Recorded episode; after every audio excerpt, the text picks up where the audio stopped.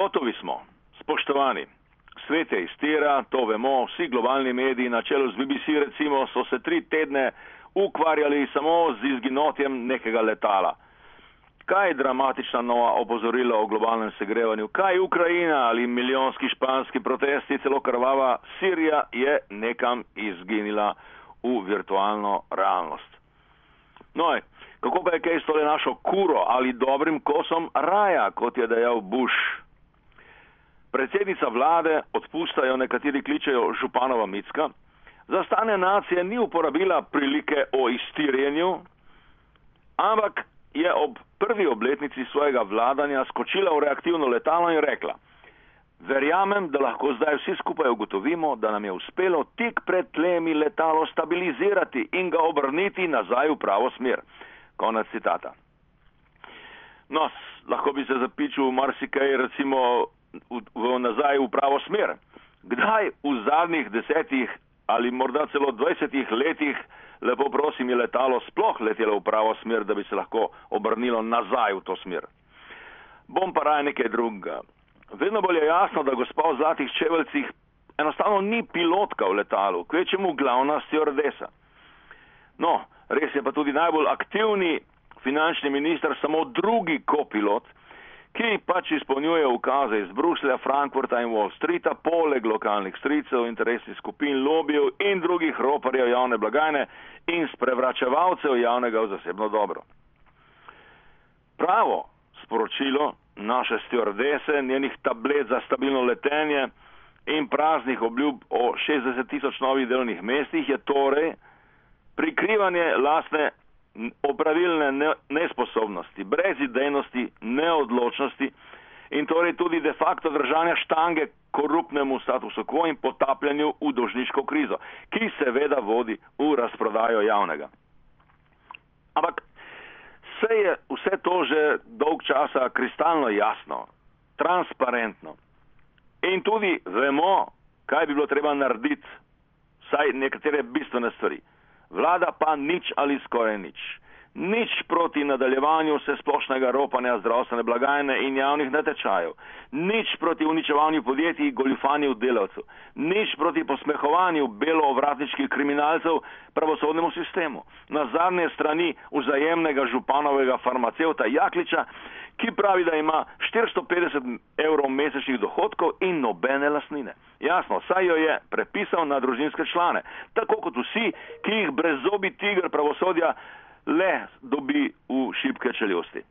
Spoštovani, to je slabše kot v mafijski Italiji, ki ustrezne zakone že zdavna ima. Boj proti korupciji postaja š, samo še večja predstava za javnost.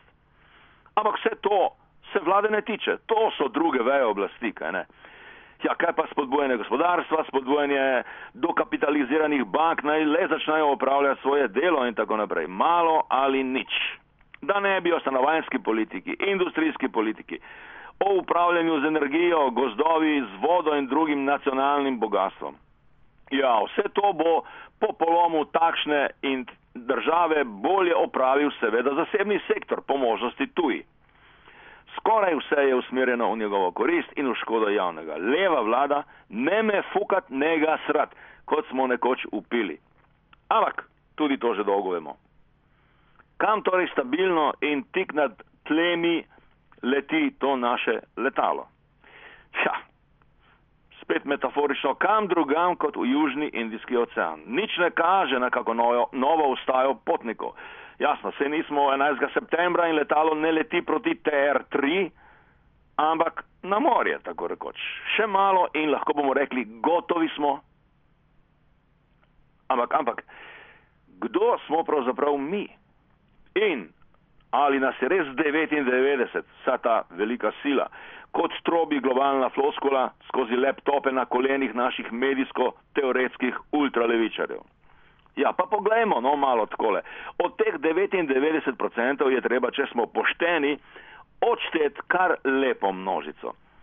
Z oblastjo povezanih oseb, lobistov, lobijo podjetnikov, ki so vladni klienti, pa vsakašnih kvazi podjetnikov, ki goljufajo socialo in delavce, pa lasnike nepremičnin, več stanovanj, davčne utajevalce je treba odšteti, pa špekulante, rentnike, vseh sort in kot sedaj vemo tudi menda pol ali vsaj tisoč zdravnikov, pa državne birokrate, en del javnega uslužbenstva, vključno z univerzo, pa del medijskih pisunov in urednikov, tudi del upokojencev in tako dalje in tako naprej. En velik kos tudi srednjega sloja. Morda ne gre vsem tem ravno izvrstno, tako kot unmu enmu procentu, lahko jim gre le v redu, znosno, pa vendar nekako stabilno in varno, vsaj dokler je oblast ta in taka. Vsi ti niso en razred ne? in tu je seveda še en problem za naše mlade in teoretske levičarje. Vsi pa imajo interes za ohranjanje statusa quo in privida stabilnega letenja, pa če tudi so lani nekateri morda tudi špancirali po trgu Republike na ustaji. Koliko jih je vse skupaj? Ja, ne vem, no, takole preko prsta bi rekel vsaj tretjina Slovenije, če ne kar več. No in kaj mi preostali, ki bomo, če ne takoj, pa na koncu tega krasnega letenja zagvišno gotovi, skupaj z državo kot javno zadevo in javnim dobrom, Ja, no, prva preizkušnja ali bi rekel test bo vsaj študentske volje 16. aprila, ko naj bi bil protest proti novemu zakonu o visokem šolstvu menda. Če tudi ta zadeva sploh ni enoznačna, kot ne pri vseh drugih socialnih zadevah. Zakaj bi bilo šolanje zastojno tudi za bogato deco, sprašujem. No, ampak o tem pa kdaj drugič, spoštovani, lahko noč in srečno.